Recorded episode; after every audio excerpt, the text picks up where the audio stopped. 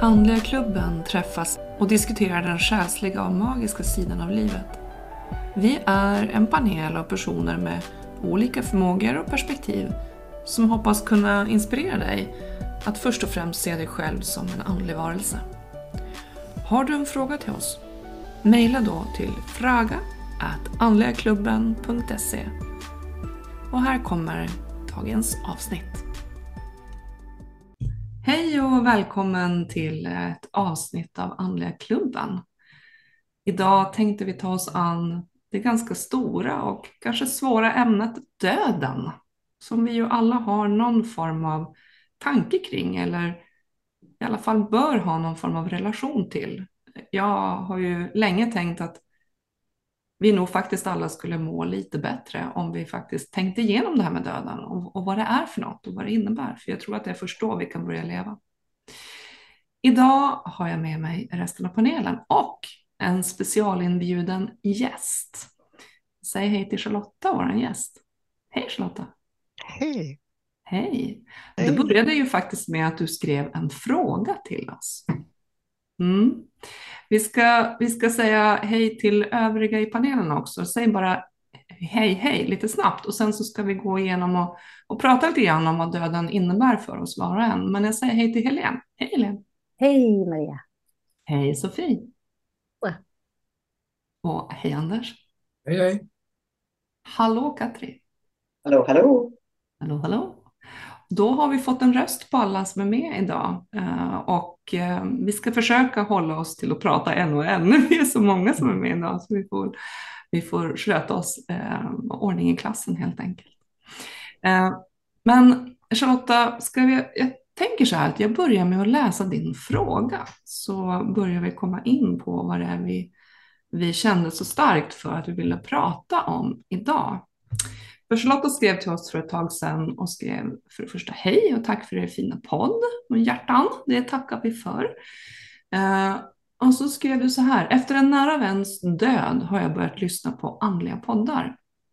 Jag är väldigt känslig för om det låter nyreligiöst eller vi som vet och kan-klubben. Och jag tycker att ni har så spännande och fina samtal. Det tackar vi för. På 80-talet var jag new age men i många år har jag levt med att allt tar slut när vi dör. Och nu undrar jag om detta stämmer. Och det känns som om hela min tillvaro blir upplöst. Ramarna har liksom försvunnit i och med detta nya sökande. Och sen beskriver du att du hade en vän som du nu ibland kan känna någon, någon, ja, att hon finns nära dig. För hon har dött. Hon har gått bort ganska nyligen, i år i alla fall. Um, och hon um, hade det ganska svårt på slutet. Så då skriver du så här, så hjälp, två frågor, andlighet och död kan man väl säga. Uh, och där någonstans kände ju vi att det här är ett sånt spännande ämne och skulle vi kunna få ta med dig i ett avsnitt? Och, och Charlotta sa ju ja till det. Så varmt välkommen igen Charlotta, vi är jätteglada att du blev med. Och, eh, vi tänker att vi idag helt enkelt ska ha ett öppenhjärtligt samtal om det här med döden och att det finns så många olika perspektiv på hur man kan se på döden och vad som händer sen. Um, och jag tänkte att vi kanske skulle börja med, bara för att sätta liksom scenen för samtalet, att vi var och en berättar lite kort om vår egen personliga syn på vad händer efter döden. Och jag kan ju då börja med att säga att jag eh, har tänkt på döden väldigt mycket, alltså ända sedan jag var litet barn. Och jag vet att jag i tonåren var lite så här eh, upprörd över människor som inte hade tänkt igenom det här, helt enkelt. och har ofta genom livet faktiskt vågat ställa den här jobbiga frågan till folk. Så här. Fast lite så här, lite bara för att jag är nyfiken. Så här, vad tänker du händer efter döden? Och jag har fått många varierande svar på det. Men ganska ofta säger ändå människor att nej, men jag tror att allting bara blir svart. Och jag har ju lite svårt att förhålla mig till det, men, men jag respekterar att man kan ha den synvinkeln och jag tänker att det är intressant att prata om. För mig som arbetar som regressionsterapeut och utbildat mig i Michael Newtons teknik, eh, om de som känner till hans böcker där han skrivit om våra tidigare liv och så, eh, att genom hypnos kan man faktiskt komma åt eh, minnen från våra tidigare livstider. Och för mig känns det alltså solklart att det här med reinkarnation, det, det finns och existerar och alltså att det händer någonting efter döden. Det är liksom min utgångspunkt och min position. Vem, eh, Helene, vill du berätta lite grann Mm. hur du tänker?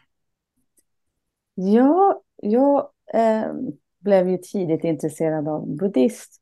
Och jag tror när man är speciellt tonåring och det blir... Alltså, och jag vet ju att jag... Eh, jag, kan inte vara, jag kan inte vara objektiv. Utan jag är ju helt övertygad om att det finns reinkarnation.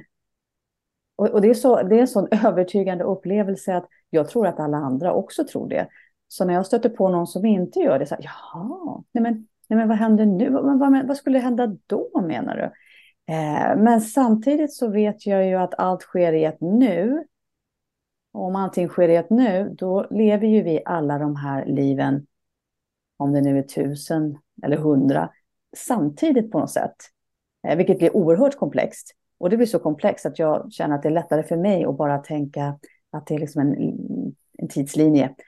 Nu har jag det här livet, förra livet var någonting annat och framtida liv kommer att, kommer att vara något annat så att säga. Men, men för mig så är det, en, det upptar en stor del kan man väl säga av min vardag. Mm. Mm. Och jag tror absolut inte det här att det bara blir svart. Nej, jag, är så. Men, men det, det, är det som är så konstigt. Jag tror att när man är speciellt sen ung, när man var ung, det blir en så pass stark verklighet att alltså jag, jag, det, jag kan inte vara objektiv, utan jag tror att alla tänker som jag gör. Det gör de inte. Nej, Nej det gör de inte. Sofie, Sofie vad, vad tänker du? Jag är nog lite inne på Helens spår också. Mm. För mig som har varit medial sedan jag var liten så har ju liksom döden varit levt parallellt med en hela tiden på ett sätt. Att de som har gått över även är med. Mm. Sen är det väl i äldre år man har tänkt, tänkt och funderat på vad och hur vägen och hur man vaknar upp. Och jag har en grav mjölkproteinallergi och kommer ihåg jag hade ett jättestarkt allergianfall och då kan jag inte varit mer än 10-11 eh, i skolan. Jag hade fått fel pannkakor. Och vaknar upp och ser mig själv ligga på en brits med sjuksköterskan och läkaren liksom, innan ambulansen kom och sådär. Um, skolsköterskan eh, jobbade på mig och, och, försökte få liv i mig och sådär. Och sen en sekund senare så, så var jag tillbaka då i min kropp och såg dem eh, ja, över mig så att säga och, och var i min kropp. Och där började man fundera på vad är det som, hur, hur är resan? Mm. Så du hade en, en utom kroppen-upplevelse eller en nära döden-upplevelse? Och det har jag, mm. haft, jag har ju haft flera allergianfall, men den är den som är så stark. Mm. Så det här med döden har jag levt nära, men, men eh, det vi ska... Mm, ja. Så döden är väldigt nära, men ändå... Jag tror för mig aldrig varit skrämmande heller. Mm. Mm. Anders? Ja, nej för mig, eh, jag har ju alltid haft den synen, även när jag inte var medial, eller det har jag väl varit hela tiden egentligen, men eh, att eh, det är en del av livet helt enkelt. Man dör och tar ett steg in i nästa värld. Det är lite som Astrid Lindgren och de här Mio med Mio eller vad de heter. Oh, fantastiskt. Ja, ja. När de åker till Nangiala. Ja. Och sen fortsätter ja, men... de till Nangilima. Ja, nästa steg.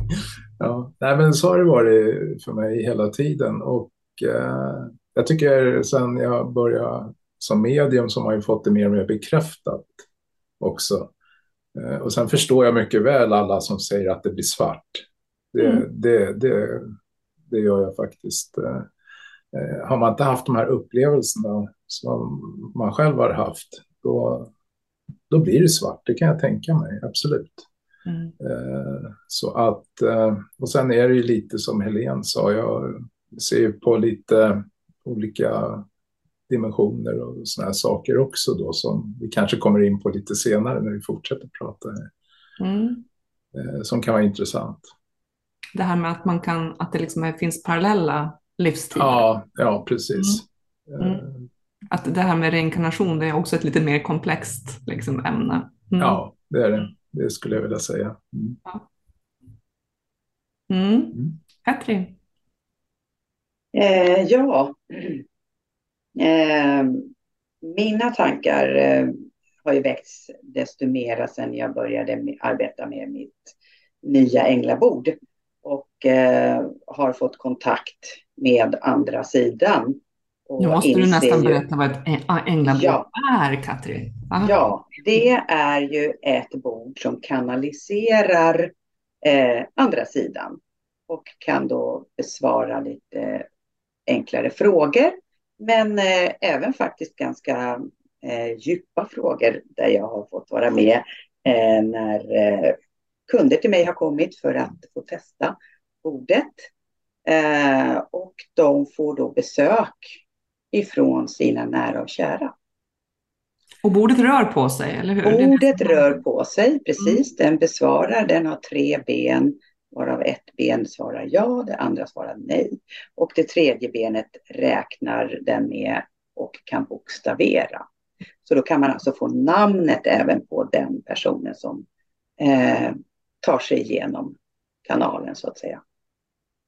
Och det eh, blev så oerhört starkt för mig eh, att få vara med de här personerna men också att jag själv har fått uppleva eh, där min pappa har kommit igenom, eh, min farfar har tagit sig igenom och sådana saker som jag aldrig i hela mitt liv hade kunnat föreställa mig att det här kunde hända.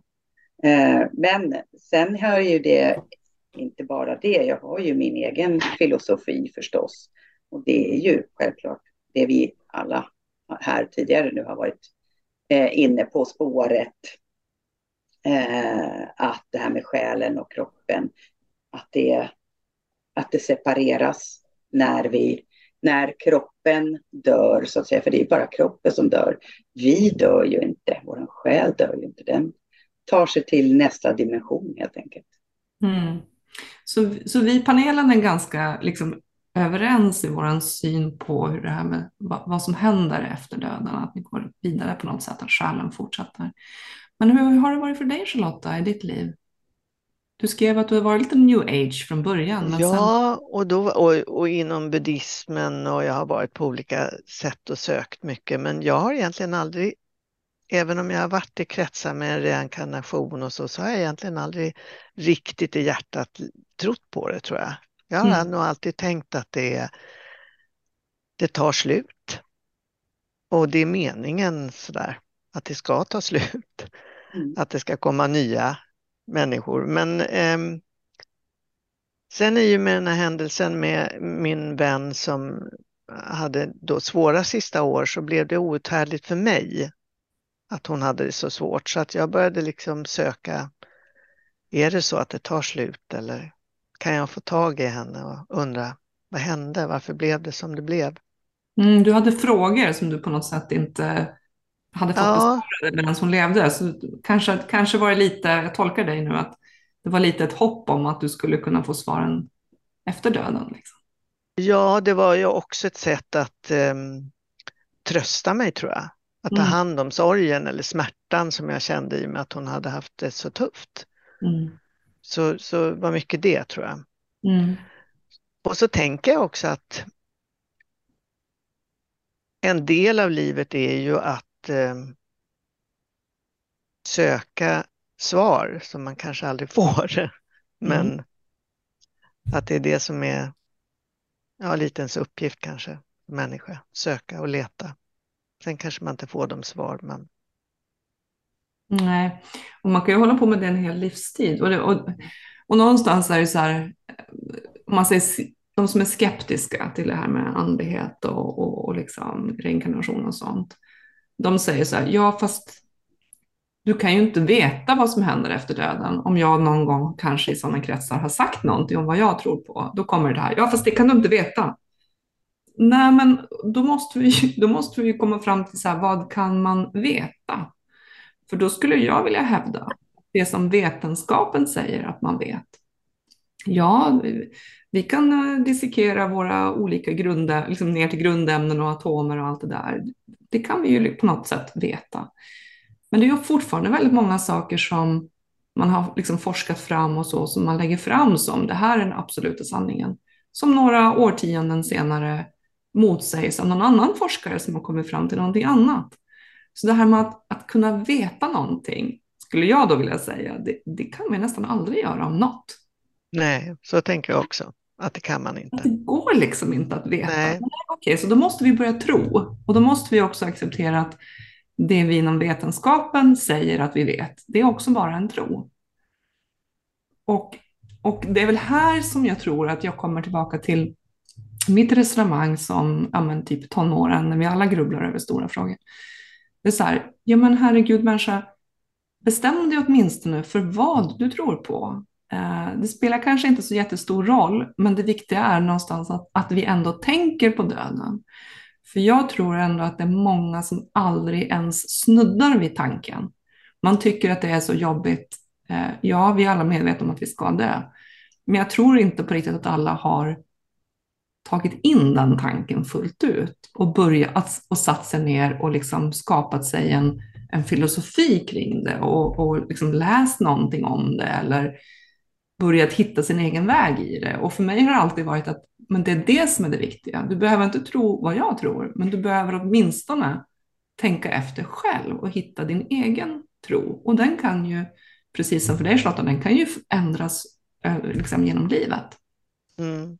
Det, det tänker jag också, att man måste, måste måste man inte, men Nej, att det är Sunt. att söka och försöka fundera och tänka på det. Och det är väl också just nu när vi lever i en tid som kanske är lite mer individualistisk, att det är svårare då kanske att tänka sig att vi ska ta slut så att säga.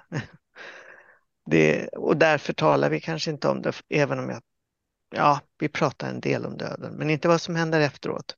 Nej. Så vad, vad har din, liksom, under större delen av ditt liv, vad är det du har tänkt om, om vad som händer efter döden? Jag har tänkt att det tar slut. Om Mm. det blir svart eller vad, jag menar, ja. Ingenting. Alltså att det, det, när vi dör så dör vi, sen är vi borta. Nu Mm, har jag börjat, liksom medvetandet bara slocknar på något sätt, eller? ja. Ja. Och nu har jag väl börjat lite tvivla på det, men jag vet inte. Ja. Nej, för du skrev ju lite grann i brevet att det känns som att hon har varit nära. Alltså, Mm, då menar mm. du efter att hon har gått bort? mm, Du har haft besök? mm, ja, det vet jag Eller? inte. Så långt skulle jag inte sträcka mig. Ja, Det kan ju också vara min, min eh, känsla av skuld eller eh, ett sätt att söka tröst eller så, att jag upplever att hon är nära. Det vet Ja. jag inte. Ja.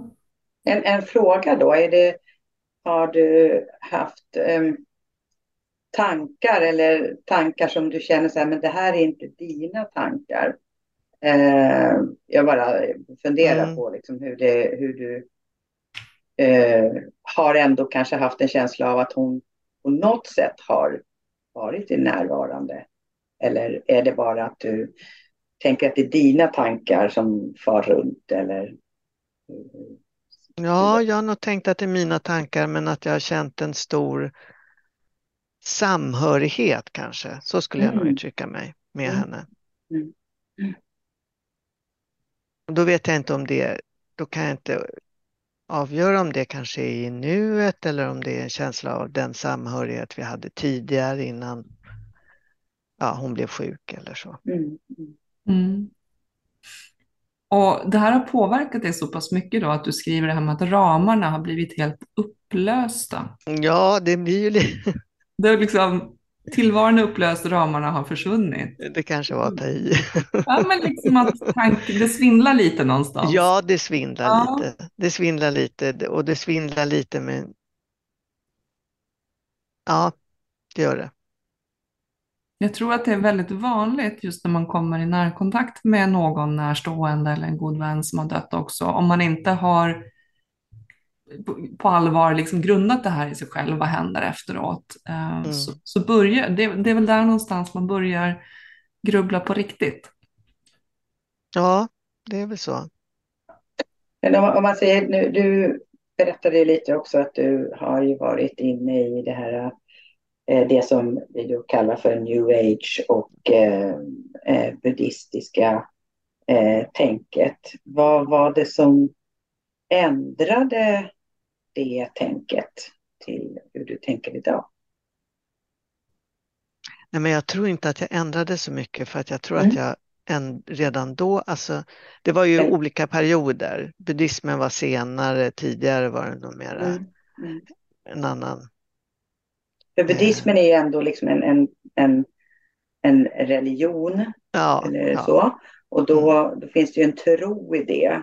Mm. Du kände att du trodde inte på den då, eller hur tänkte du? Jag sökte nog. Ja, du Sökte. sökte den. Ja. Och du fann tror- inte att den tilltalade dig då? Jo, då, den tilltalar Ja. mig Mm. jättemycket, men jag, det där steget till att gå över till att jag trodde verkligen att vi lever flera liv eller att Mm. någon finns i närheten och så. Mm. Den, den var svår att ta till, jag hade svårt att ta till mig den. Ja, Jag förstår det. Om man sitter utan...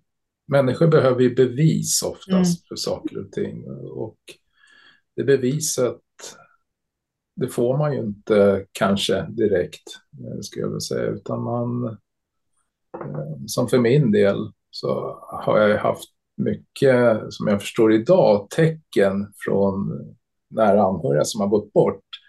Men i det läget så var det inga bevis för mig. Och sen har jag ändrat in, inställning åt det hållet då kan man säga. Och börjat förstått att okej, okay, det här var, ja det var ju så.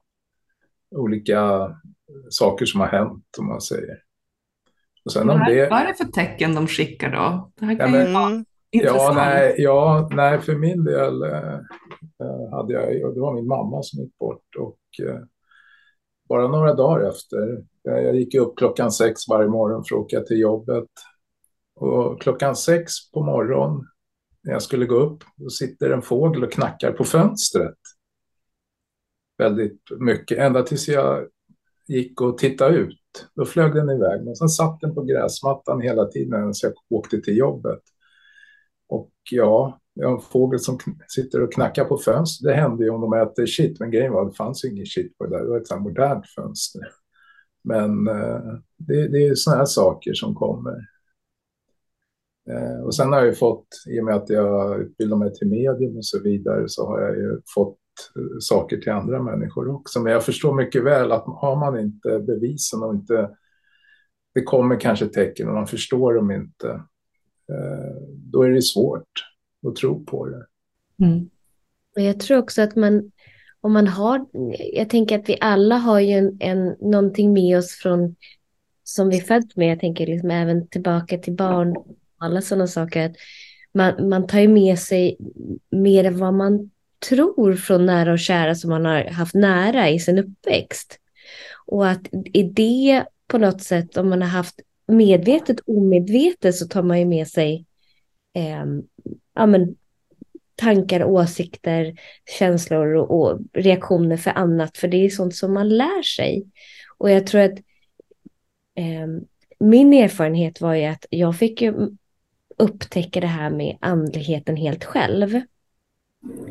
Eh, och med, med det sagt så, så fick, det finns ju ingenting som är rätt och fel, men när man lär sig någonstans kodspråket, det som Anders är inne på, att det här man, man kan se med andra glasögon. Ja, men åh, den här fågeln var inte bara fin och vacker, utan det, det kan... Känslan är att det är någon som faktiskt vill säga mig någonting.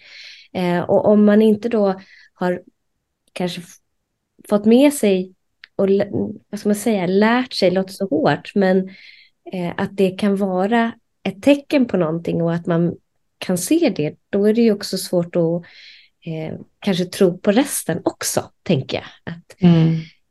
livet efter döden och att vi kan komma tillbaka när... För, det, för mig hänger det liksom ihop och det är ingenting som finns något... Jag tycker att vi kan vara ganska snabba på att ja, men, eh, inte döma, men att, att, man, att det blir svart och vitt. Eh, ibland så blir det bara att man, man går igenom livet och har perioder även som medium att man inte ser eh, tecknen. Och jag tänker man har kontakt med sina guider och man är verkligen super eh, in tuned. Och sen så händer det någonting i livet där man känner att man oj, nu blev jag jättemycket människa och så, så är jag inte alls lika öppen för de här småtecknen som faktiskt finns runt omkring oss hela tiden.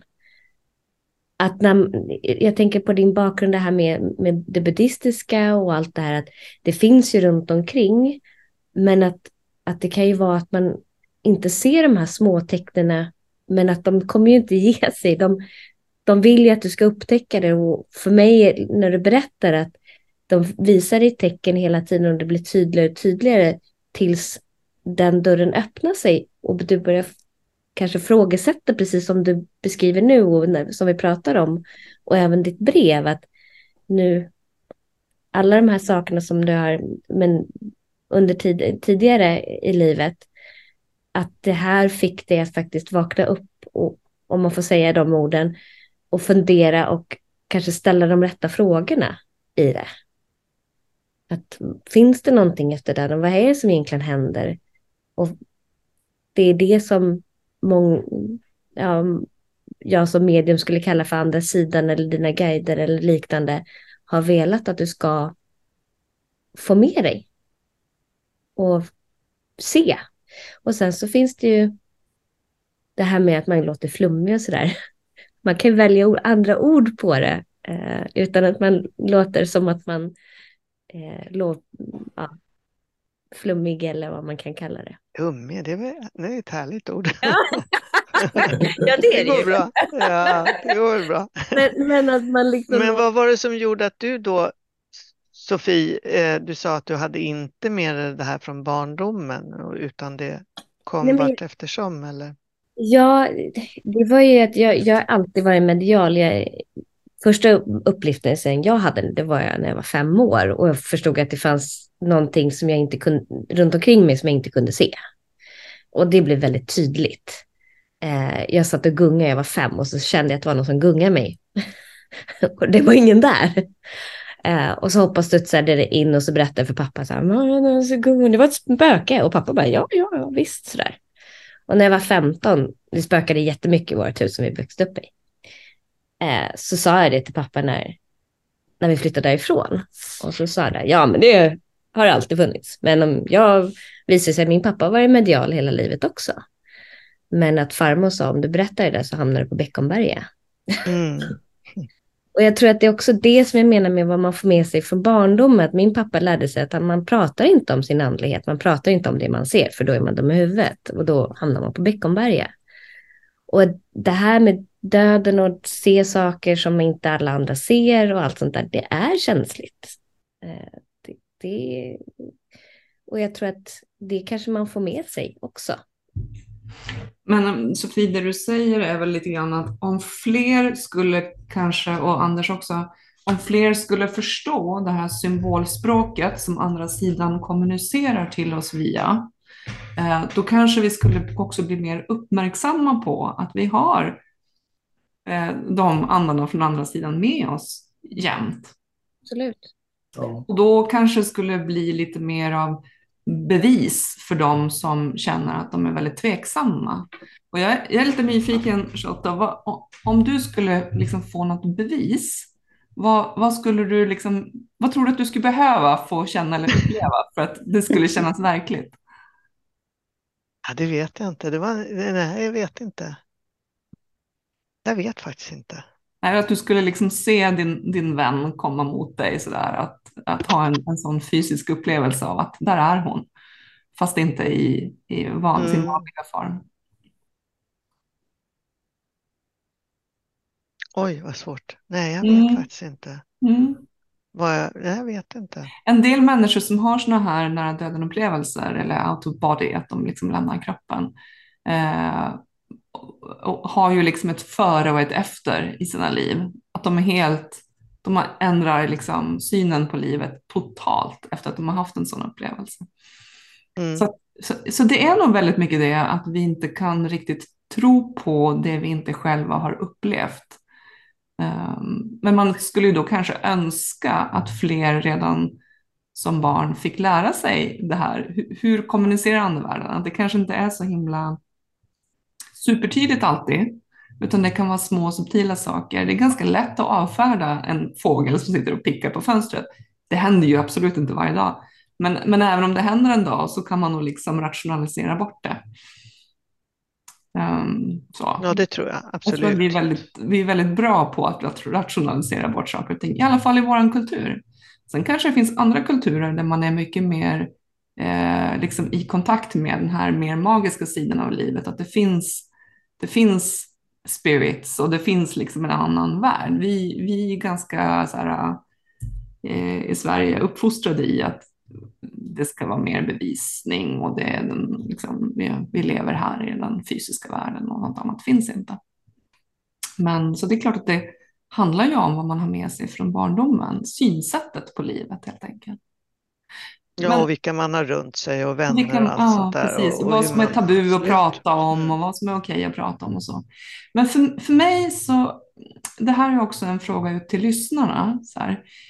För mig handlar det ju mycket, när jag kommer till de här stora frågorna om döden, så måste jag liksom börja med, om jag sätter upp liksom ett logiskt och rationellt tänkande kring, kring det här, då måste jag ju börja med, så här, tror jag på att jag har en själ eller inte? Mm. Där någonstans är liksom fundamentet i hela den här diskussionen och frågan. För att om jag känner mig övertygad om att jag har en själ, då måste jag börja fundera på vad händer med den när jag dör? Om jag där och då kan säga så här, nej men själen tror jag inte på. Nej, okej, okay. ja, men då är det nästa logiska slutsats att jag är bara en, liksom, en människa och jag har evolutionen hållit på i eh, x eh, hundra miljoner år, mänskligheten har hållit på och utvecklats väldigt, väldigt länge och hej och hå, nu eh, samlades de här DNA-klumparna och jag blev till och liksom, här, här är jag, eh, toppen på evolutionen, hej och hå, I'm once, once and forever, bara existerar en gång. Och, så att om man då inte tror på att man har en själ, ja då blir den logiska slutsatsen att hopp, ja, mitt medvetande existerar en gång, jag får uppleva det här livet och jag, jag har en, en känsla av att någonstans är det här den tanken som ligger bakom hela mänsklighetens rovdrift på planeten. Därför att om jag bara lever en gång, då måste jag maximera upplevelsen. Hallå, det händer bara en gång. Alltså måste jag se till att jag har bästa möjliga livet, att jag liksom får tjäna så mycket pengar som möjligt, att jag får resa, ha alla de här roliga upplevelserna. Jag måste liksom jaga kickarna i livet för att känna att jag har åstadkommit någonting med den här enda, enda tillfälligheten som blev jag.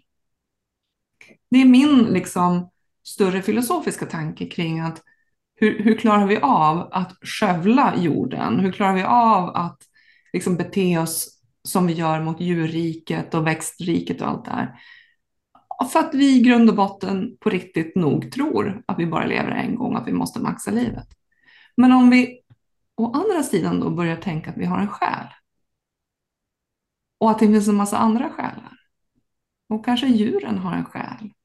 Och vi kommer att komma tillbaka. Jaha, vad är det för värld jag kommer att komma tillbaka till? Alltså, då blir vi nog lite mer varsamma, tror jag. Och då, då börjar vi ju utforskandet av vad händer när jag sen dör? Vart tar själen väg? Och nu när jag lyssnar på er så tänker jag, alltså vi är ju flockdjur. Och eh, om det är så att de flesta tänker att det blir svart eller vi inte har någon själ. Om du nu börjar tro på att du faktiskt har en själ, hur oerhört viktigt det är att du hittar your tribe. Nej, men att du har människor runt omkring dig som stöttar de här tankarna. Eh, för att du kanske är jätteintresserad av buddhism eller av meditation eller av det andliga. Men sen så händer det något, du kanske byter arbetsplats, eh, du hamnar med nya människor när de samtalen inte är i fokus. Och det är då det är så lätt att tappa allting. Och bara, nej men vänta, jag har inte tid att tänka på min pendel hemma. Utan det är nej, nu ska jag gå och klippa gräset. Ehm, eller mm. andra saker. Plötsligt blir det viktigt. Så jag har inte faktiskt reflekterat över hur viktigt det är att vi har andra som kan stötta oss. Mm. Det behöver inte vara så att man träffas varje dag, men någonstans. Så att man inte anpassar sig för mycket till det där tänket som man egentligen kanske inte vill tänka. Det här typ då, att det inte finns något efter döden. Mm. Jag tror också att det är väldigt lätt att vi tappar bort oss i alla vardagliga sysslor. Alltså att fundera, att det blir så mycket fokus på eh, hämta, lämna på dagis eller eh, ha boka tvätttider eller vad ska vi äta till middag och att man liksom tappar bort livet på något sätt i att Mm. vara upptagen med alla de där praktiska bestyren. Om du inte blev, nu, pratar vi religion eller andlighet kanske är samma, men med, med barn som växer upp med en viss tro, alltså Mm. där sitter ju det i ryggraden. Eh, nu var jag ganska ung, 13-14, och det sitter ändå, då är inte jag uppväxt med det. 13-14, då har du väl format dina egna åsikter, men hur starkt det är. Och det kan ju också vara lite farligt. Jag vet när vi flyttade tillbaka till Sverige så var det mina ungar som sa, den äldsta, då, hon bara, men mamma vad händer efter döden? Dör man? Försvinner man? Och då sa jag så här, nej det fattar du väl att man inte gör. Det var ju så självklart. Det är väl klart man inte gör. Man föds ju om igen och igen. Och de bara, jaha, men i vilket land liksom, med samma familj? Ja, men det förstår du väl. Oftast är det geografiskt samma plats. Alltså jag har ju svar på allt. Och har de i religionsundervisning. Nej, men fan. Det var dagen efter, veckan efter någonting. Och då säger ju då fröken berättar om kristendomen och då säger de nej, nej, så är det inte alls. Min mamma sa, ja, mamma sa. Och så kommer hon hem och berättar det här och jag bara, jag tänkte, jävla, nej, sa jag inte alls jävla fröken. Jag sa, nej men självklart, ja, det finns ju olika åsikter, jag glömde det. det är inte Du glömde den detaljen att vi måste tänka själva Den också. lilla detaljen. Det här var ju liksom så självklart. Ja, Mm. de är inte alls religiösa idag kan jag säga. Det, det där knäckte de totalt tror jag inför hela klassen när de bara, nej men det är inte så. Mm. Men det är så intressant också att alla religioner också har liksom olika syn på vad som händer när vi dör. Och alla predikar ju att vi kommer att träffa just deras Gud när vi dör. Mm. Och här, här har ju jag en, en, en ganska bestämd åsikt. Och det var roligt för mig, vi har ju läst, eh, vi i andra klubben har ju läst de här böckerna som heter Helig design, där väldigt många saker faktiskt förklaras. Där vi har ju också vår goda vän Tina Kristin Krom-Henry som är en transkanal för liksom, förmedlade budskap från eh, högre stående varelser kan vi kalla dem. Och det, det är ju så himla tydligt i de böckerna att, som jag också har tänkt, att när vi dör så passerar vi eh, jordens kollektiva liksom, medvetandefält, alltså våra själ passerar. Och när vi passerar där så, så får vi precis de upplevelserna så som vi har trott under livet. Det vill säga, eh, har du varit en troende muslim så möter du av bilden av Allah, liksom, den energin. Har du varit kristen, då möter du Jesus. Alltså, för det är på något vis som att vi har trott så starkt på det här så att vi till och med har bildat det här kollektiva omedvetna fältet. Så att vi får den upplevelsen när vi ska passera hela vägen upp till liksom, där vi egentligen hör hemma, i de, de renare eh, dimensionerna av den andliga världen. Men vi har, ett, vi har ett fält som omger jorden som handlar väldigt mycket om våra, vår trosuppfattning. Så att det vi tror på under livet är det vi möter. Uh, och jag läste ganska nyligen om en, eller om jag såg, någon, uh, såg någonting på tv eller hur det var, minns inte nu, men det handlade i alla fall om en ateist, alltså en fullständig ateist som hade en nära död, döden-upplevelse. Han kom ju tillbaka igen och kunde berätta om det, men han, hans upplevelse var ju fruktansvärd för att han dog eh, och upplevde inte det här att han liksom fick komma till ljuset och allt det där härliga som alla pratar om, utan han hamnade liksom i några korridorer och allting var svart och han blev jagad och det var liksom Ja, men det var bara hemskheter hela tiden och han kunde inte ta sig ur den här labyrinten, ja, hur han då beskrev det. Och, och det för mig är väl så här, ja nej, eh, att uppleva att komma till det här ljuset, det kanske inte är den upplevelsen riktigt alla har därför att du får den upplevelse du tror på. Eh, sen går ju alla vidare Så att jag menar, hade han dött på riktigt så hade han ju kommit vidare. Det är bara en illusion som vi måste passera på vägen. Men eh, det tycker jag är du ganska får den upplevelse du tror på. Det lät Ja. grymt. Ja, det lät du, får, grymt. du får den upplevelse du tror på eh, när du, när du liksom dör. Ja, tänk om man tror man ska bli straffad om man har gjort massa dåliga saker mot människor. Ja, Mm. Och det är ju inte på riktigt tro- det här. Nej, det Alltså, det det. vi passerar, jag vill vara tydlig med det, att Ja. det vi passerar efter dödsögonblicket, det är ju bara, det är bara en liten stund som vi kommer igenom det här liksom tros eh, energierna som vi ska gå igenom dem och sen ska vi ju rena oss från allt vi har varit med om. För våran själ är ju, det här är ju min egen personliga uppfattning, men liksom själen är ju ren i sig. Vi går ner och tar ett liv på jorden för att få den här mänskliga upplevelsen och, och gå igenom och göra lärdomar när vi är här. Men när vi återvänder tillbaka till vår liksom källa, där vi är i vår rena själsenergi, då har vi ju inga problem överhuvudtaget och då går vi inte runt och grubblar mycket över vad som hände när vi var på jorden. Eh, för det är liksom passerat. Men just vägen dit, den kan se olika ut. För väldigt många så bara är det, det går fort, det går lätt, man tar sig igenom för man har gjort det många gånger. Om man kanske har gjort några av sina första liv här nere på den här planeten, då kanske det är lite mer utmaning att ta sig igenom det där kollektiva medvetandet eh, och navigera i det. Mm. Och det här står faktiskt väldigt väl beskrivet i de här böckerna om helig design. Jag tänkte den där detaljen som jag gillade väldigt mycket i de här böckerna. Det var att till exempel om du, låt oss säga att du skulle bli bränd på bål eller någonting sådär makabert. En makaber död, att du på något sätt kunde välja innan, va? innan du dog. Var det från de böckerna eller är det från någon annanstans? Att det går att lämna kroppen, om du vet att du ska möta någonting, en ond, bråd död, att du på något sätt kan gå vidare innan. Kanske inte Mm. var den vet Jo, inte. men det här med att man kan liksom koppla loss lite grann. Att man behöver Ja. inte ha behöver- hela den fysiska upplevelsen utan Nej. själen lämnar lite innan. Exakt. Mm. Jag, jag gillar det. Ja, det är samma som eh, om, om man liksom ramlar ner från ett stup till Mm. exempel. Så be- själen drar innan du har liksom landat. Mm. Mm. Och det här är, det här är ju någonting som är så självklart för många av oss som sitter i panelen. Mm. Hur är det, när, när du hör oss prata i panelen här, hur, vad går igenom ditt huvud? Och hur, vad, vad tänker du ehm, i, utifrån det vi har pratat om hittills? Charlotta? Nej, jag lyssnar ju nog mest och jag har ju hört era eh, avsnitt sådär, eh, eller på podden, så att jag känner ju igen mycket av det.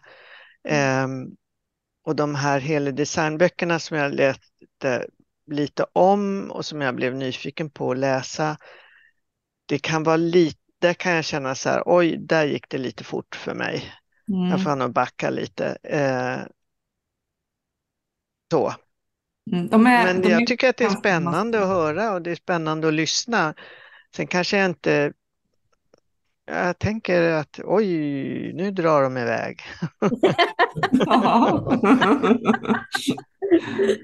Men det får ni väl göra. Det går bra.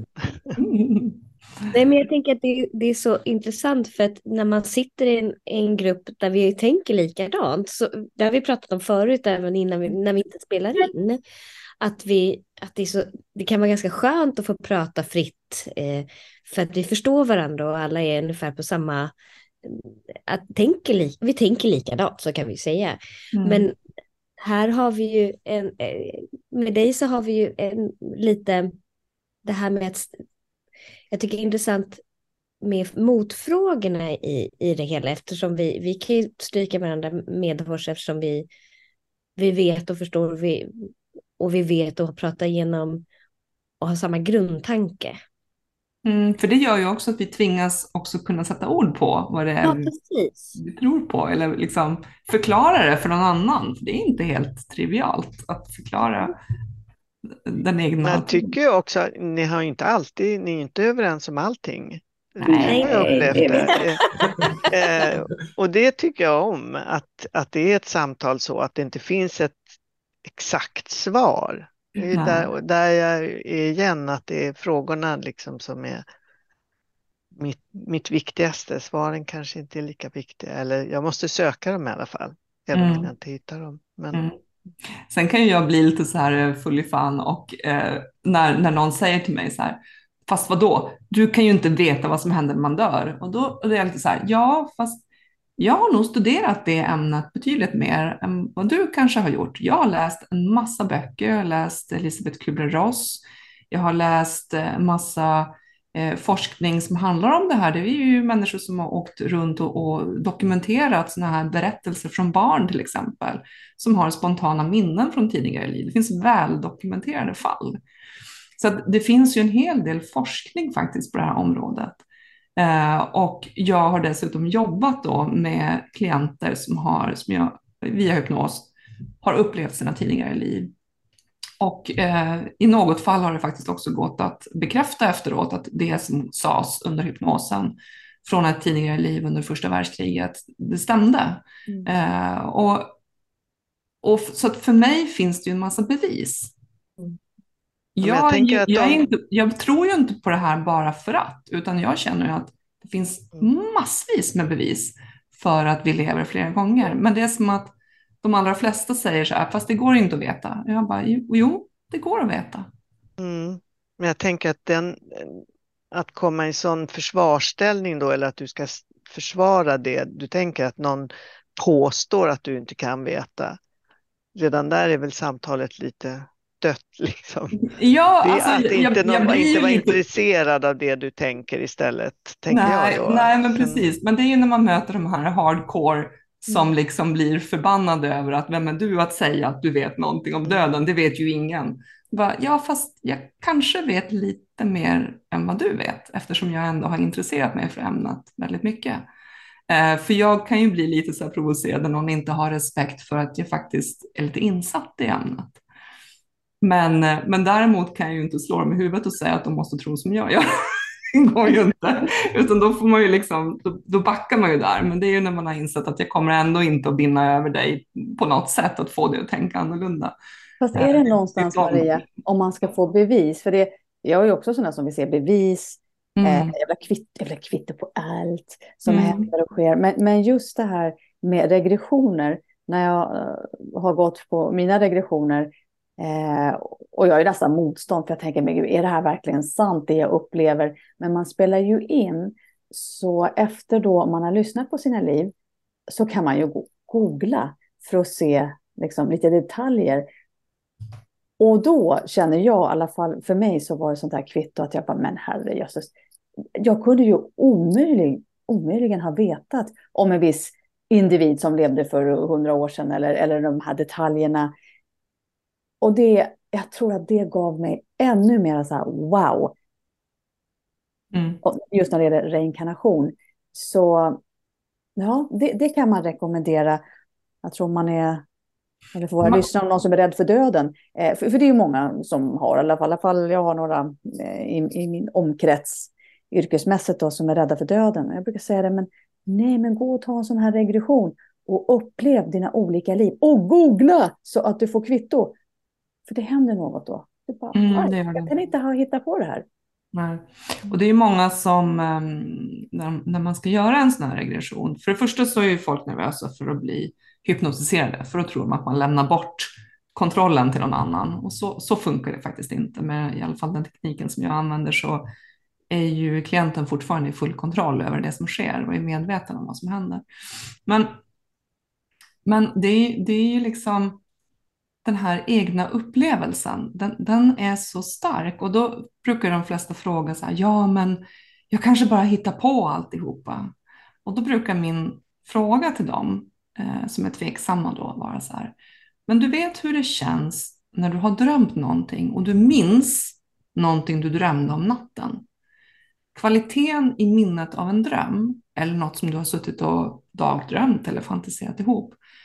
Kvaliteten i det minnet Eh, på ett visst sätt och kvaliteten i ett minne från någonting du har upplevt i det här livet, i barndomen eller så, hur de minnena skiljer sig åt, alltså kvaliteten i dem, detaljrikedomen, känslan, eh, alla de bitarna som du har i ett äkta minne jämfört med ett minne av någonting du har fantiserat ihop. Så jag brukar liksom skicka mina klienter som vaknar upp och är så här, nej men gud, hittade jag på allt det här? Ja, det är kanske för dig att fundera över, men, men reflektera under veckan som kommer och känna efter. Vad är kvaliteten i upplevelsen som du just har haft? Uh, för jag kan säga att det, är så mäktigt. Det är så mycket känslor, det är så en detaljrikedom så att man, man liksom inser ju själv att det här kan jag inte hitta på. Mm. Det håller jag med om. Mm, att du har också gjort det. Mm.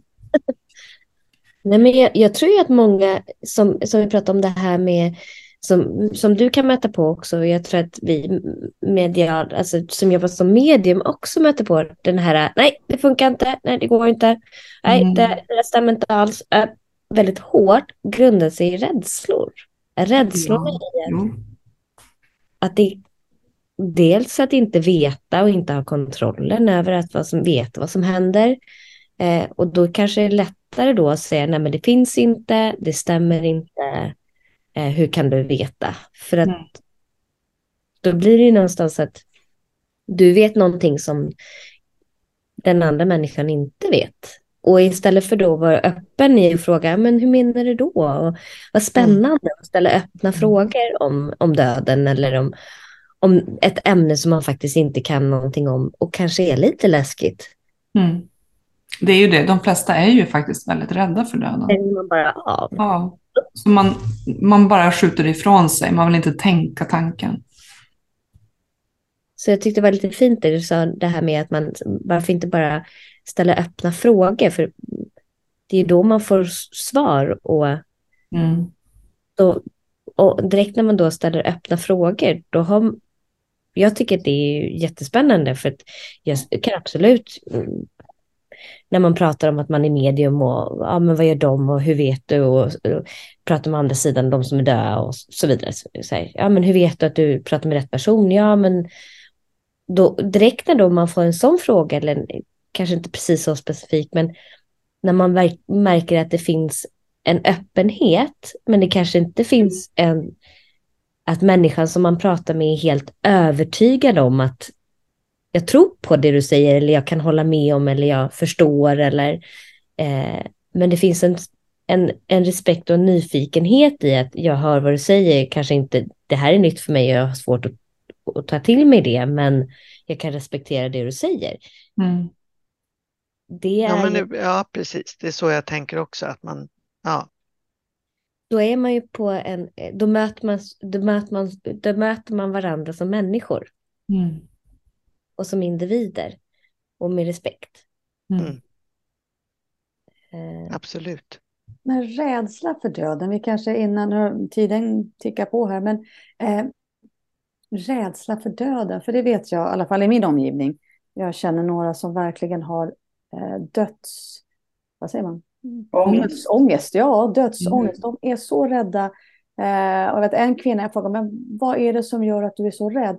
Och då sa hon, det var ganska hjärtskärande, hon bara, med mina barn och min man, hon har världens bästa man. Hon kände, hur ska han klara sig utan mig? Jag bara, ja, han verkar ju kapabel.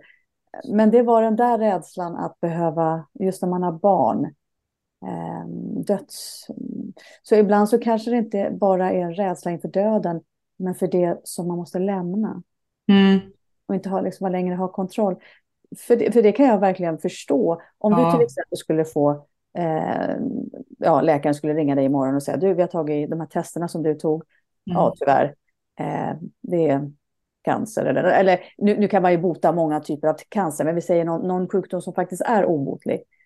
Alltså, vi vet ju inte heller hur vi skulle reagera. Alltså, jag hoppas att jag skulle bara eh, liksom med min tro att bara, ja, men då är det väl så. Eh, men jag vet ju faktiskt inte. Mm. Det, det, är inte det är inte lätt. Nej, det är verkligen inte lätt. Alltså döden Nej, döden är svår. Den är, är svår. svår. Mm. Även om man har kanske den tron som vi har, mm. så när man ändå ska liksom fejsas med sin egen död, så är ju mm. det ingen lätt upplevelse, alltså det är ju ingen lätt mm. sak. Mm. Det här har jag faktiskt funderat väldigt mycket på, därför att så här, rent logiskt då. Om jag nu är övertygad om att jag har en själ, om själen är evig, varför finns det då rädsla för döden? Varför är vi rädda för döden? Om det nu är så att liksom det bara fortsätter och vi har många liv framför oss, varför går vi runt och är rädda för döden? Och då, den ena aspekten är precis det som du säger Helena, man kan vara rädd för att lämna människor som man har ansvar för, som man älskar. Man vill liksom deras bästa, så att man vill inte lämna dem. Det är den ena sidan. Men det jag har, liksom, när jag har grunnat på det här, jag tänker mycket på döden, jag får jag erkänna det. Eh, då, då har jag kommit fram till att vi som människor, vi består egentligen av två aspekter kan man säga. Eller vi är, liksom en, vi är hopsatta. Vi, är, vi har våra, vår fysiska kropp och vår djuriska sida. Vi är ett däggdjur, precis som alla andra däggdjur. Och vi har instinkter, precis som alla andra djur har instinkter. Sen har vi vårt medvetande och vår själ. Så vi är liksom en förening av kropp och själ. Och då när jag började tänka åt det här hållet så började jag inse att rädslan för döden, den är snarare den djuriska sidan. Alltså det här uh, överleva till varje pris. Mm. Man gör allt, man gnager av sig armen för att överleva. Liksom, det här djurets reaktion. Så här, jag måste bevara min kropp, jag ska överleva det här. Det är inte själen i oss som talar då. Det är snarare djuret i oss som talar då. Det är min, så här, vad jag har kommit fram till. Så djuret finns inte i själen? Nej, alltså djuret, om vi säger den kroppsliga sidan av oss, har egna drivkrafter. Att föröka sig, att liksom, ni vet, allt det här som, som nu tycker ju vi då att djuren, eller vi säger ju så att djuren är primitiva, det är de inte alls, för de är väldigt högtstående varelser. De är väldigt, de är mer eh, närmare kopplade till den gudomliga källan, eller vad vi vill kalla det, skapande kraften. De är mycket närmare den än vad vi är. För vi är våra individuerade själar. Men, men de är ju också en, en kropp och vi ser ju så himla tydligt att djuren har sina instinkter. Men det har vi med. Det är bara det att vi har liksom putsat på det där så pass mycket så att vi liksom lyckas glömma bort att vi är djur. Men jag tror att just när vi närmar oss den här dödsfrågan eller när vi pratar om dödsångest och när vi pratar om att man hamnar i en väldigt farlig situation när man känner att man håller på att dö, då tar ju de här instinkterna över. Och varför gör de det? Ja, men det är ju inte för att själen egentligen är rädd för att dö. Det är för att kroppen har det som sin naturliga drivkraft att överleva. Mm. Men jag tänkte på en annan sak. Eh, när det är många som, eh, om man säger att det är någon som ligger på sjukhus och sådär och är, är väldigt nära eh, döden egentligen och, och, personalen då talar om att kom och ta farväl för nu är det liksom verkligen sista stunden inne och alla kommer dit. Jag har upplevt det här själv. Eh, och eh, och personen fortsätter och lever så länge vi är där. Det är inte så att den har gått bort under den tiden som vi har varit på plats. Sen när personen blir ensam, och det här eh, har jag hört från många, mm. då först är det som att den här mm. personen somnar in. Eller att eh, personer som just är på väg att, att gå bort blir väldigt pigga. Mm. Och man tänker att men det här är inte möjligt. Den här personen kommer ju inte att gå bort. Det här kan ju inte stämma. Och mm. sen så somnar de in när alla har varit där. Ja, precis. Man väljer. Man, man kan, väljer, ja, ja precis. Man själen, själen kan välja att gå. Ja, ja. Mm. Själen kan välja sin tidpunkt för att gå. Och det är väldigt vanligt, det finns också böcker skrivna om det här. Mm. mm. Och det, det är vanligt att eh, någon som då önskar att familjen ska samlas, de kanske måste resa. Kan vara några, typ, man kanske måste resa i två dagar för att komma till den här ja, pappan eller mamman.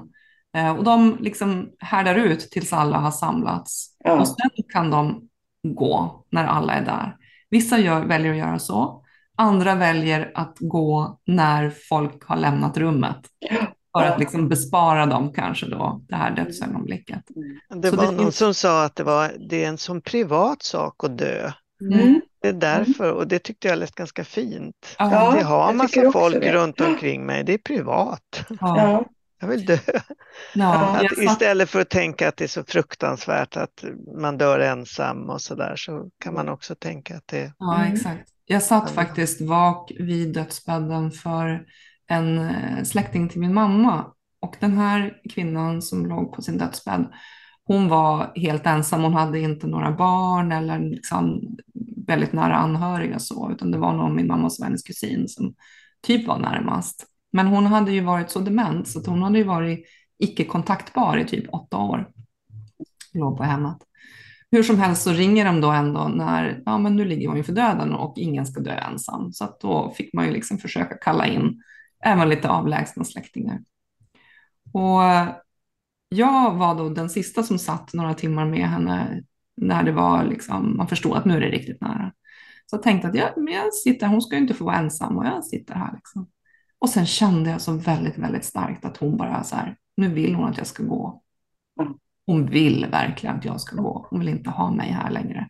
Det var nästan så där att man kände att det var, energin var nästan så här, gå, gå nu. jag bara, okej, okay, jag går. och sen så gick hon bort typ en timme senare. Så att, mm, det, det, är nog så att vissa känner att det här är en väldigt privat grej. Du ska mm. inte liksom sitta här och titta på mig när jag ska ta mm. mina sista andetag. Det vill Men om man får en, en så besked nu, då, bara en, en sista fråga här. Men om man, om man får ett besked från en läkare då att nu är det din tid, du har ett år, två år på dig innan du kommer att gå vidare. Och så kanske den personen som jag skulle gärna, lite självisk nu då, eh, då skulle jag vilja sitta och meditera i två år. Jag tror inte ens en gång att jag skulle vilja ha min familj i närheten. Mm. Ja, de sista dagarna. Men alltså det skulle ju vara helt oetiskt om jag sa till mina barn eller min familj att nej, nu vill jag sitta i ett rum och jag vill ha frukost, lunch och middag, men ni får inte komma in. Och så vill jag sitta, alltså det går ju inte. Nej. Nej, inte i två år. Min, äh, okay, nej. Inte i två men, år, det Även om mycket. det skulle vara min djupaste önskan, för det är faktiskt, eh, jag tror faktiskt att jag, ja vi skrev faktiskt ett sådant kontrakt innan vi gifte oss. Eh, för då sa jag, för jag vill ju ta sån här treårs retreat som man gör, kan göra i tibetansk buddhism, tre år och tre månader. Och då har ju inte jag hunnit göra det. Och jag vet inte, min man tänkte väl, ja, ja, whatever, så fort hon får barn så kommer hon inte vilja åka ändå tre år. Jag tror han räknade ut det där, men för mig var det väldigt viktigt då. Um, men det låg, alltså i vår kultur, hur, hur, skulle folk komma ihåg mig? De skulle komma mm. ihåg mig som den själviska mamman som försvann på sitt rum. Och ja. alltså, det är inte lätt hur vi tar dödsbesked eller hur vill vi, hur vill vi... Ah, Mm. Och så mm. kanske det före detta liv. Jag vet när jag hade min regression där, vilket för mig var det ganska starkt. Eh, man går ju gen, nämligen genom en dödsscen. Och den dödsscenen, alltså den var så stark för att jag var nämligen helt ensam. Jag gick mm. skog på en grusväg och jag hade valt ett sånt liv. Men när jag dog, då kände jag, nej, jag, jag hade lämnat min familj då. Eh, och sen så när jag låg där på marken, den här känslan av att nej, jag vill inte vara ensam när jag dör. Så det här, det, alltså, man kan ändra sig i den stunden. Man kan ändra sig i sista sekunden. Så, ja. men, men det är ju komplext och så måste vi också tänka på våra nära och kära. Hur, hur vill de att vi ska vara eller hur vill de... Alltså, även om det är vi själva som ska dö inom ett år så verkar det som att alltså, det är komplext. Mm. Ja. Man vill bespara nära och kära en viss del av det där mm. också. Ja. På något sätt, att det finns en kärlek i att liksom Ja, och man kanske inte vill bli ihågkommen som så som man är i sin svagaste stund när man är elände, inte vet jag, tappat håret och bara känner sig allmänt liksom inte så pigg och fräsch. Mm. Det kan ju finnas någonting i det också. Jag, jag vet inte Charlotta om hur det var med din vän på slutet, men du, du skrev att det var att du tyckte det var svårt eftersom hon drog sig undan väldigt mycket och, och levde lite mm. sådär. Ja, det som var plågsamt så att hon skulle dö eftersom hon var så sjuk var inte så där väldigt konstigt, men att det blev, det blev plötsligt eftersom vi runt omkring inte hade följt med. Att hon hade stängt av så. Mm, just det, ni hade inte fått träffa henne egentligen. Nej, nej. Vi hade mest kontakt via en sån här Wordfeud, eh, sån här ja. spel och sen så kan man ju skriva direkt message på dem och då gjorde vi det hela tiden. Och sen pratade jag med henne i telefon en hel del men, men eh, och då skrev hon alltid jag har det bra. Ja. Och då var det, ja.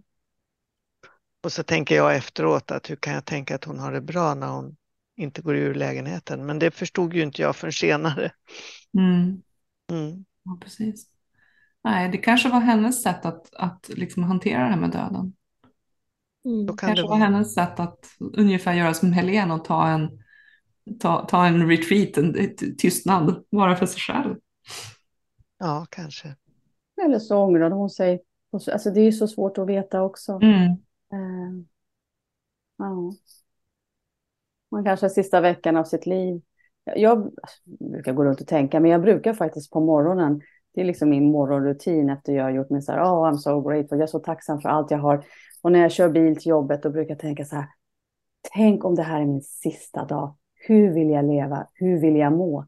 Och jag går Mm. verkligen igenom de här, wow, jag vill bara kunna älska, jag vill kunna uppskatta livet. Och sen när jag kommer till jobbet då är jag ju nästan hög kan jag säga. Eh, bara, de bara, det bara sprakar om dig. Jag bara, jag vet. Men jag ska dö Jag ska leva idag. Ja. Ja. Men det är ju fantastiskt Helene. Ja. Det är precis det jag också menar med att om vi inte tänker på döden så klarar vi ju inte heller av att leva fullt ut.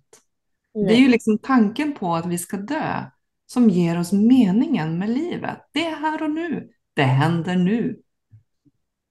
Eller hur? Så att vi kan ju faktiskt använda tanken på döden till någonting väldigt positivt. Kan Mm. jag också tänka att det är ingen idé för vi ska ju ändå bara dö. Ja. Absolut. Om, så här, Den har jag hört också. Absolut. Det, och, och gör det någon lyckligare eller att de mår bättre? Man måste ju också Nej. tänka efter då. Mår jag bättre av de här tankarna eller mår jag sämre? Då kan jag ju välja de mer positiva tankarna kanske. Kanske, kanske, Kanske. kan man välja. Man kan välja, säkert. men det kräver lite träning. Mm. Ja, har vi något mer vi vill tillägga om döden? Några andra tankar? Nej, inte mer än att eh, det är ju en, en evig diskussion, för det är ju något vi kommer att uppleva först. Den dagen vi är där, då får vi, då får vi sammanstråla igen då. Ja, men vi var Undrar om vi kan podda pratade? från andra sidan då. Det skulle ju vara häftigt om vi kunde köra ett poddavsnitt när vi Ja. återföreningen efter döden. Ja, Fjärde var det så här? Ja. Alla letar upp någon. Ja, Liksom. en kanal, ett Vi har en medium. deal. Exakt. Och sen så, ja, Ja, ja, vi får ju skratta åt det i alla fall. jag tänker att det här med döden, jag tänker att vi i alla fall, det jag tar med mig från det här samtalet som har varit väldigt fint, det är att döden är ju väldigt individuellt och Mm. väldigt personligt. Mm. Och hur man uppfattar och hur man tänker runt döden och även hur man vill ha det, tänker Mm. jag. Mm. Att det finns liksom ingen norm i så här ska det vara, utan och att det är också någonting som är, måste få vara så. Att alla måste få bestämma över sin egen, sitt eget slut på något sätt. Eh, Så Mm. mycket som de får göra. Mm. Och att det inte är, att det inte är någonting som ska dömas eller... Och då kommer vi till euthanasia, men det tar vi ett annat avsnitt. Ska vi låta det? Ska det vara lagligt i Sverige eller inte? Eh, Mm. Den är, mm, det är också en väldigt svår fråga med många svar. Den skulle vi kunna ta faktiskt Mm. ett annat Sen avsnitt. Mm. Ja, men sen kan man ju se också att det är för de som är kvar. Det är de där frågorna kommer. Det Mm. är den som har ja, mött döden eller gått över då. Där har du inte frågorna kvar längre. Nej, och de lider ju inte. Alltså de, Nej, jag, jag har faktiskt tänkt på det också Mm. sen jag var barn. Att när man går på en begravning så sitter ju alla och gråter och är väldigt ledsna i kyrkan. Även jag jag har varit på begravningar i vuxen ålder tycker att det är väldigt sorgligt. Mm. Men någonstans det man, det man är ledsen för är ju egentligen sig själv. Det är ju sin egen förlust.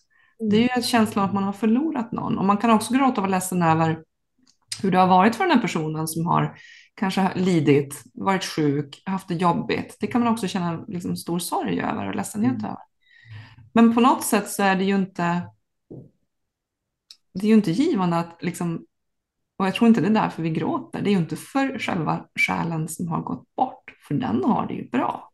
Mm. Så där de är, det, det vittnar ju liksom alla om som har gjort någon sån här, nära, haft någon nära döden upplevelse, att de vill ju helst inte tillbaka in i kroppen igen, för det var så himla härligt där på andra sidan. Kanske förutom han den här ateisten då Ja. som stirrade runt i, han hade inte en så rolig upplevelse. Men, men, Det var meningen, tänker jag. ja, Det kanske var meningen att han skulle rusa tillbaka och få en tankeställare. ja, kanske det. Så här. Ja, jag vet inte. Eh, det, det är i alla fall en väldigt annorlunda upplevelse som jag har hört om. Men, men någonstans så är det ju liksom att vi, att vi är sorgsna när någon har gått bort. Det är ju naturligt. Men gräver vi lite djupare i vart känslan kommer ifrån så är det ju inte egentligen sorgen över den själen. Utan det är nog mer en sorg över vi som är kvar som har förlorat någonting. Eh, över hur li det livet var. Sådana saker. Tror jag. Min tanke. Absolut, och saknaden. Mm, saknaden. Mm. Tack så hemskt mycket Charlotta för att du ville vara med oss. Tack så mycket. Spännande.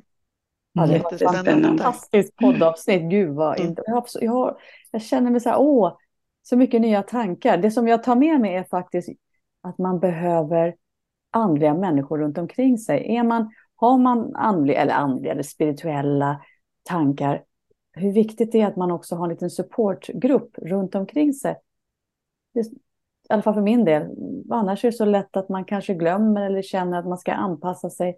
Mm. Och framförallt om man har många runt omkring sig som inte delar Ja. samma världsbild eller, eller uppfattning om livet så kan Mm. man verkligen må mycket bättre om man hittar några som Mm. man kan prata med. Och då kan vi också faktiskt slå ett slag för all den här fantastiska informationen i de här hela designböckerna som du var inne på Charlotta. Det, de är inte plättlätta att läsa. Men vi har ju faktiskt eh, en bokklubb. Andliga klubben har en bokklubb där vi läser de här böckerna tillsammans och eh, använder dem mer som ett studiematerial och ett underlag för samtal om de här stora frågorna, livsfrågorna och hur funkar karma, vad händer när vi dör, hur ser de här olika andliga dimensionerna ut?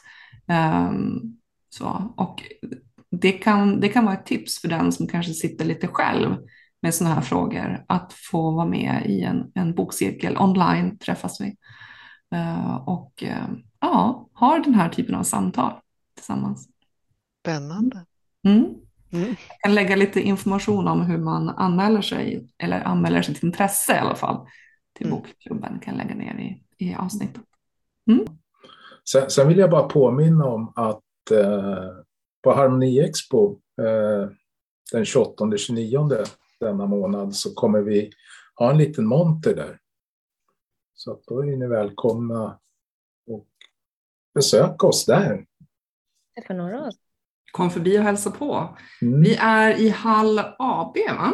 Ja. plats 8B om jag inte minns fel. ja, rad 8B. Eh, Rad 8B. Ja, Mm. ja, det. Och eh, vi har ju någonting som var helt nytt på mässan där också. Det, eh, som inte har varit med tidigare på Harmoni Expo. Det är ju Katri som kommer vara där med sitt bord, sitt änglabord. Det blir väldigt speciellt. Det är ju så häftigt. Stämmer. Det ska bli jättekul. Mm.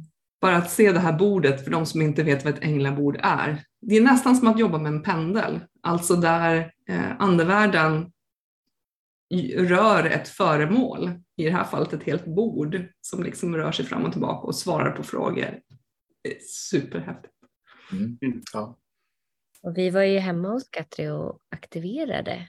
Eh, och jag kan säga bordet dansade runt med oss. Ja, vi aktiverade Anders bord. Ja, precis. Ja. Mm. Vi hann ju inte ens sätta oss ner eh, förrän bordet eh, satte igång. Vi skulle ju ta dit stolar och så provade jag att sätta mina händer på det och då satte bordet igång direkt och sen for vi runt på golvet. Precis. Tusen tack hörni. Tack. Tack. På återhörande. Ja. Hej hej. Hej. Hej då! Hej. Hej. Hej hej. Vilka frågor väcks hos dig när du lyssnar på Andliga klubben? Behöver du kanske lite vägledning i din vardag? Eller undrar du över livets mening och de stora frågorna?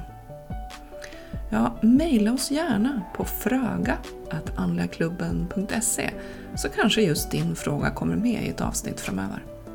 Gillar du jobbet vi gör och vill stötta oss? Då kan du bli vår supporter genom att skicka ett bidrag via Swish. Skicka slanten till 123 445 2884. Mottagare är HDJ.